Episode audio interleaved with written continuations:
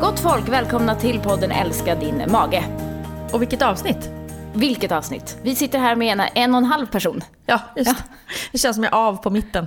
Du gick av. Jag gick av. Jag fick en eh, liten disk, eh, ett diskproblem.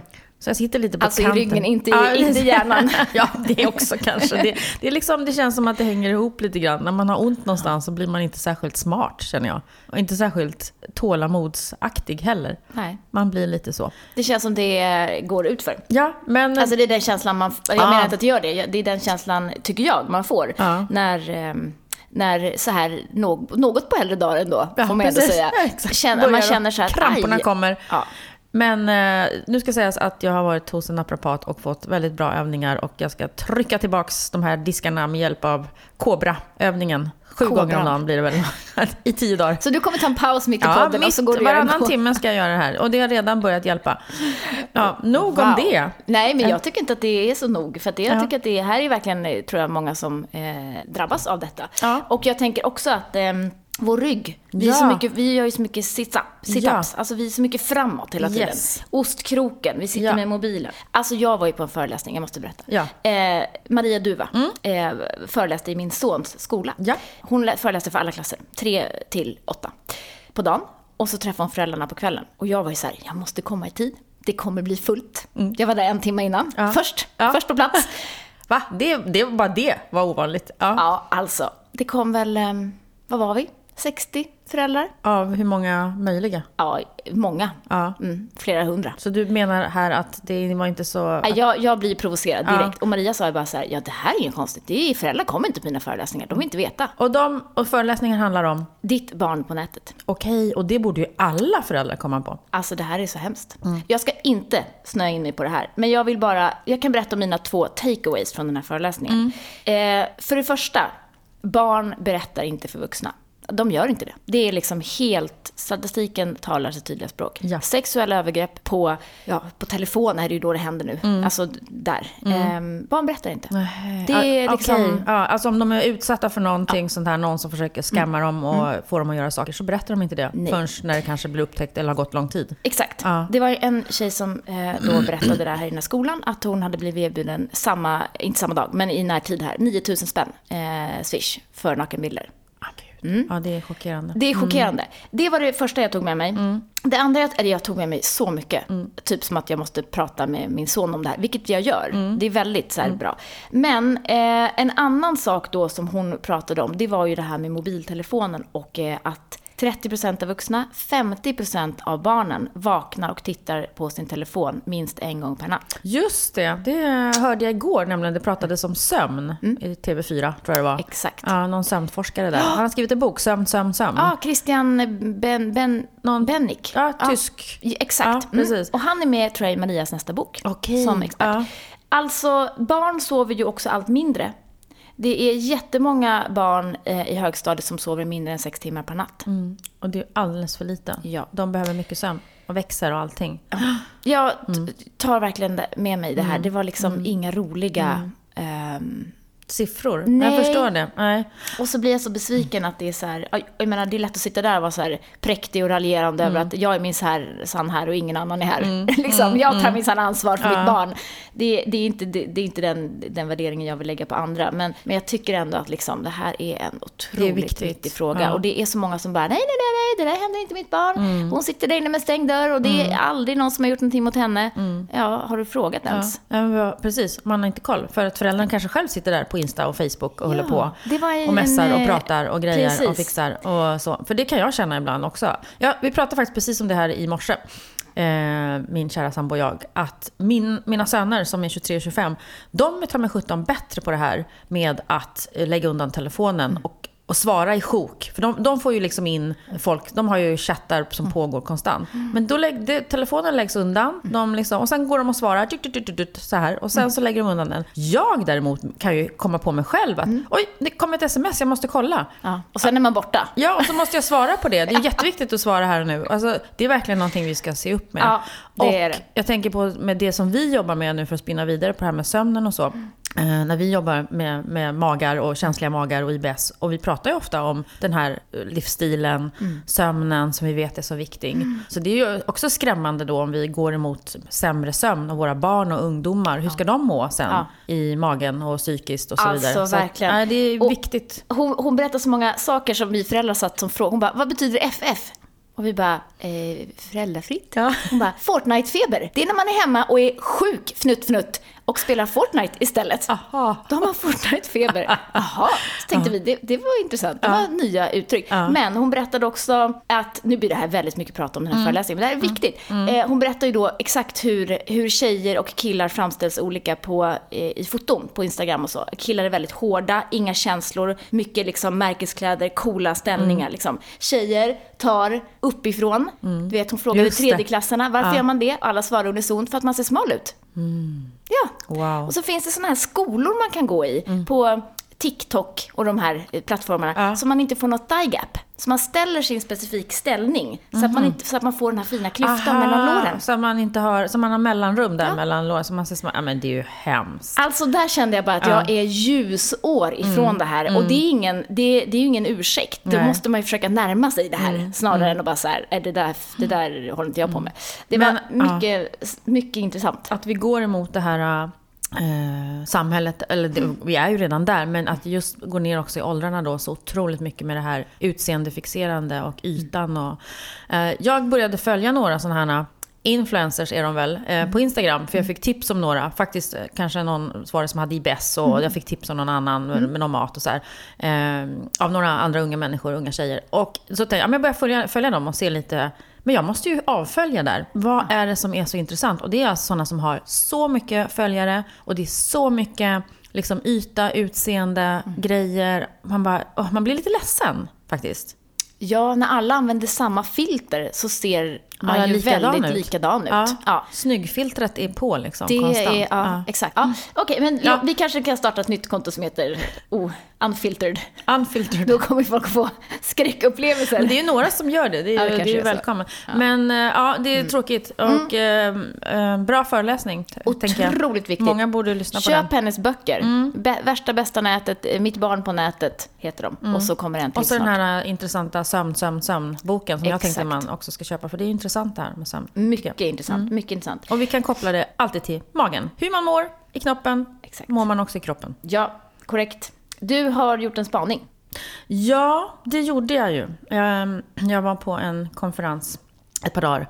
Eh, som, eh, där togs det upp då bland annat hur, vad som händer ute i världen när um, the western diet tar över uh, en del utvecklingsländer då. Mm. Det här har ju pågått också i många år. Men då var det en liten spaning och en uh, sammanställning på 25 livsmedel runt om i världen, i Afrika, Asien, även Europa, var med eh, på livsmedel som försvinner. Alltså sådana livsmedel som har varit jätteviktiga för länder, som har liksom varit bas i kosten. Och då är ju grönsaker då, mm. olika typer av grönsaker. Men de försvinner och liksom börjar odlas mindre och mindre och till slut kommer de ju liksom att försvinna helt. Eh, för att maten ersätts då med den västerländska dieten, som ju inte är en särskilt bra diet kan vi väl inte påstå då, för då pratar man ju mycket fett och mycket socker. Eh, och det var, det var lite tråkigt faktiskt att, att se liksom den listan på härliga livsmedel, härliga grönsaker då som försvinner till Vad var det? Säg ett exempel. Vilka, vilka det kunde vara allt ifrån liksom olika kolsorter, eh, kronärtskocka, eh, sparrissorter, alltså en speciell sparrissort och eh, vissa rotfrukter, sådana som kanske inte vi känner till då, eller som inte ser så ofta här i, i, våran, i våra länder. Eh, olika sådana Ja, Lite mer så ur, eh, eller kultur, ja. Eh, ska, för vi, i Sverige har vi ju eh, snarare, eller snarare ska jag inte säga, jag, det vet jag ingenting om, men jag tänker att många sådana äldre, så här gråärtor smärta och, mm. och så här, som, som kommer tillbaka mm. när man börjar odla. Ja, ja men vi liksom... försöker ju och det är ju mm. mycket tack vare ekologisk odling också att man uppmärksammar kanske äldre sorter och tar tillbaka dem ju. Just det, för och de är mera mm. härdiga eller vad det nu mm. heter eh, och ja, motståndskraftiga kanske ja, för angrepp och sådär. Ja. Där var amarant var som ett exempel i Afrika. Ja. Eh, någon aubergine, typ av aubergine där. Eh, ja, olika kolsorter mm. ockra pratade man om. Just det. Så det är var, bas, liksom. Ja, men som har varit var, bas. Mm, och då ser man ju då att en större och större andel av spannmålsproduktionen går ju åt till att producera, alltså av spannmålen, att man producerar socker. Mm. Att den andelen stiger fortfarande. Vilket ju inte är en rätt riktning att gå. Och så ser man också att, eh, att BN, alltså när BNP ökar för ett land så ökar konsumtionen av socker. De mm. följs åt, mm. de där siffrorna. Och det är också tråkigt. Ehm, Verkligen. Och då tänker man ju också att, det har vi pratat om tidigare tror jag, att, att är, man kanske måste hitta andra sätt att mäta ett lands välfärd än i BNP. För BNP, BNP är ju bara liksom ett ekonomiskt mått på mm. hur bra produceras det i det här landet, hur mycket pengar finns, hur mycket konsumeras det. Verkligen. Och jag tänker att vi måste ha andra viktiga siffror och mål och som kan ha att göra med miljö, med hälsa och med livskvalitet. Verkligen. Ja. Verkligen så. Punkt på den. Punkt på den. Jag vill ut och ställa mig med en skylt på stan. Jag välkomnar dig. Och demonstrera om Gör detta. Det. För det är, eh, jag tror att vi måste göra någonting. Börja odla. Ja, börja ja. odla. Vi får köpa en gård och börja odla. Vi kommer alltid tillbaka dit.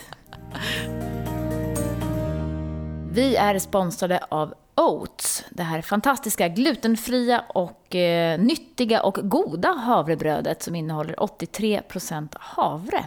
Och den är då ren eftersom det här är glutenfritt. Och dessutom så är det här brödet mycket bra för alla som har en orolig mage. Det innehåller väldigt lite socker, eh, vilket också gör att det funkar bra för diabetiker och det ger ju en lång och härlig mättnad. Oats då hittar ni i eh, ICA Maxi-butiker i eh, södra Sverige. Skåne framförallt. Eh, man kan också gå in på oats.se, oates.se och beställa direkt.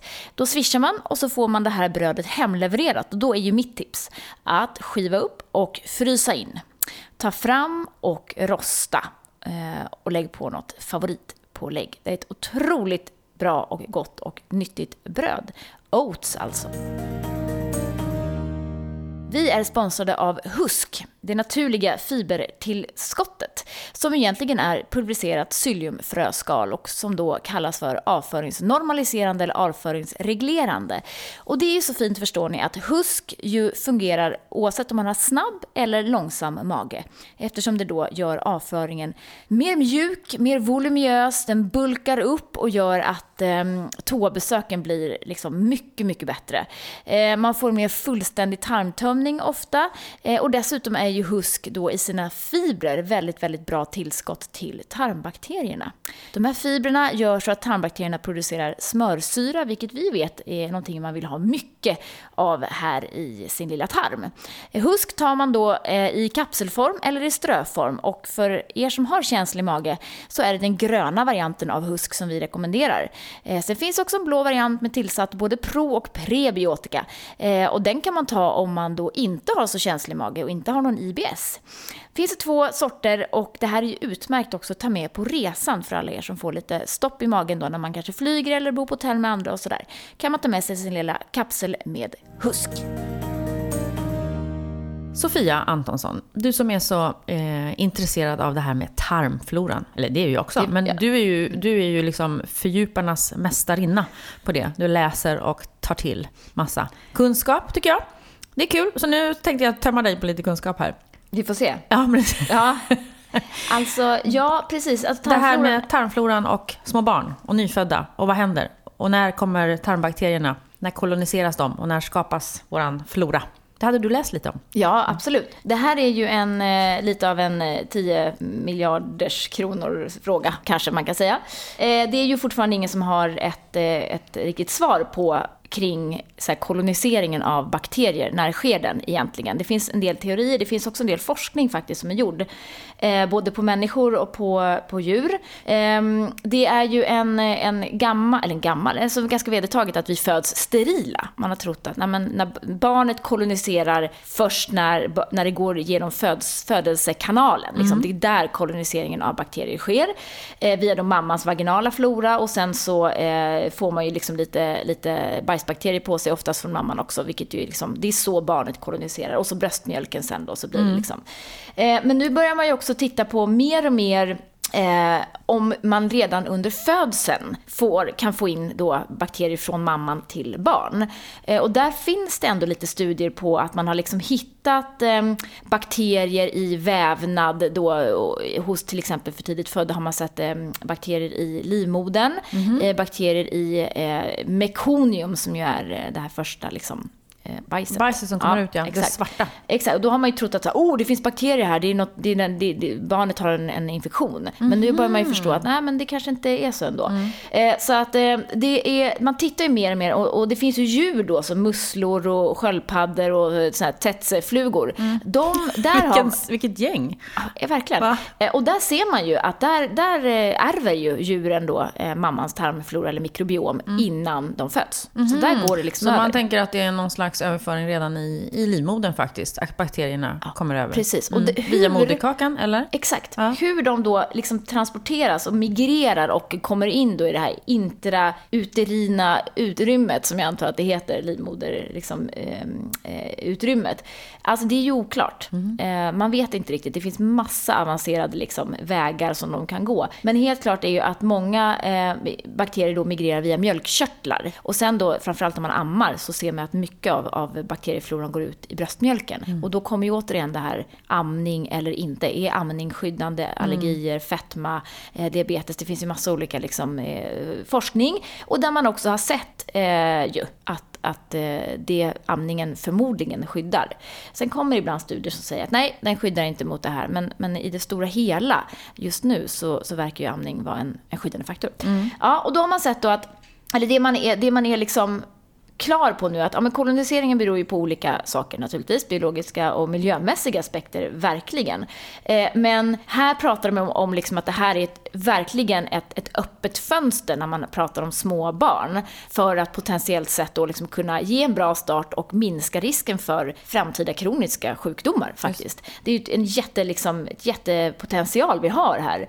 Eh, så att eh, det man tittar på då eh, när, man, när man då eh, ska prata om den, den mikro mikrobiala eller mikrobiotans kolonisation då hos små barn, det är tre faser. Och då pratar man om en utvecklingsfas som är 3 14 månader och så har man en övergångsfas som är 15 30 månader och en stabil fas då som är 31 månader och över. Mm -hmm. Vi brukar säga att de första tusen dagarna i barnets liv är de som är liksom viktigast för koloniseringen. Men det är ju inte kört sen. Det är det ju inte. Nej. Men då har man liksom lagt grunden. Mm. Och då börjar ju då den stabila fasen, det vill säga att det här är den liksom, ja, den är ungefär som den ska. Mm. Eh, men man har ändå sett att mognadsprocessen av tarmfloran fortsätter ut till man är 20. Sen har man den och sen går man in i en ny fas när man är runt 70. Då får man liksom den, den ålderdomska mm. mm. tarmfloran. Mm. Jag vet inte hur man ska översätta. Mm. Men då blir den en an annorlunda. Men blir den avsmalnande i, våra, i antalet Eh, ja. familjer, alltså man säger, vad heter det, mångfalden blir mindre. Precis, mm. det, så är det ju. Eh, och när man blir äldre så tappar man ju bakterier. Mm. Då, men det är kanske extra viktigt där då att verkligen försöka få i sig mera fibrer och sådär. Eh, och det, det, vet vi är en utmaning idag för, för många äldre naturligtvis. Eh, man har gjort en, en, stor studie som kallas för TEDDY där man har tittat på, på avföringsprov från många, många tusen barn. Och man ser att eh, under utvecklingsfasen eh, i tarmfloran då, eh, som är då tidig, mellan 3 och 14 månader, så fanns det fler bifidobakterier eh, i tarmen hos ammade barn. Och bifidobakterier i sig vet man ju då har en, en, eh, någon form av skyddande mm, effekt. Mm, och som också gör då att mognaden av tarmfloran eller mikrobiomet efter man har slutat ammat påskyndades då när man hade de här bifidobakterierna. sen är det också så att man har sett att att eh, det finns någon koppling mellan vaginal födsel och ett, ett större mängd bakterier som då tillhör Bacteroides-släktet. Släktet. Eh, och ehm, det här börjar man ju titta nu eh, på vad händer med barn som föds då med kejsarsnitt kontra vaginalt. Och då gör man ju faktiskt just nu i Sverige en studie på detta man ska undersöka om barn då som är födda med kejsarsnitt ska dutta smittas, mm. som det så vackert heter, med tarm, mm.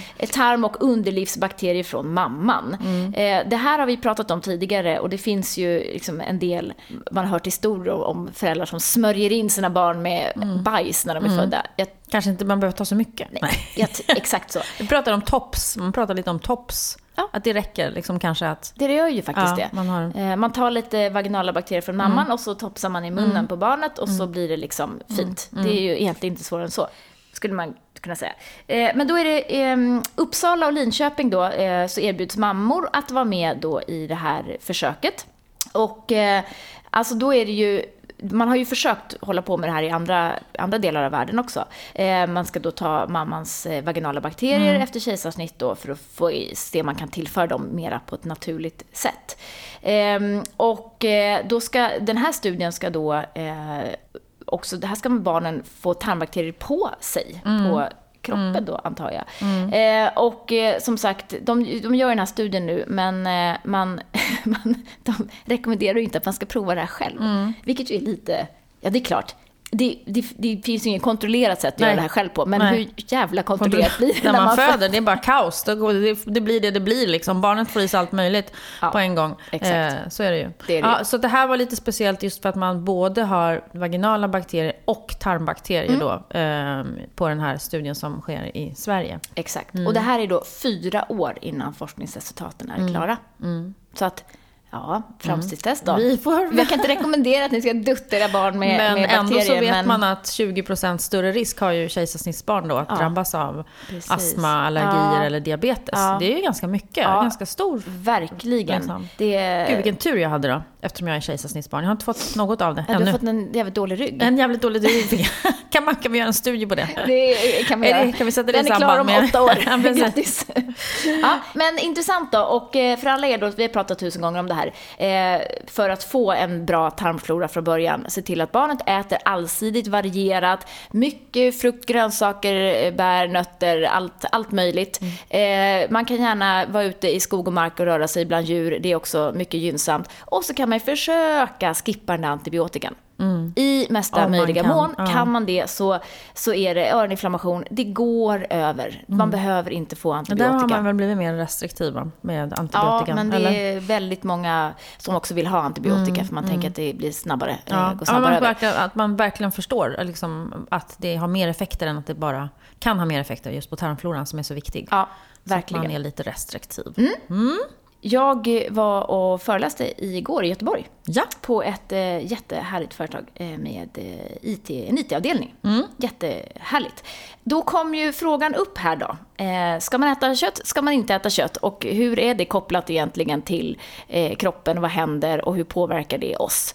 Eh, och då, det, det- det som är det intressanta här nu är att vi, vi vet ju ändå inte riktigt. Då. Vi har ju det här, återigen, de här många studierna med det vi vet att vi ska äta, mycket frukt och grönt.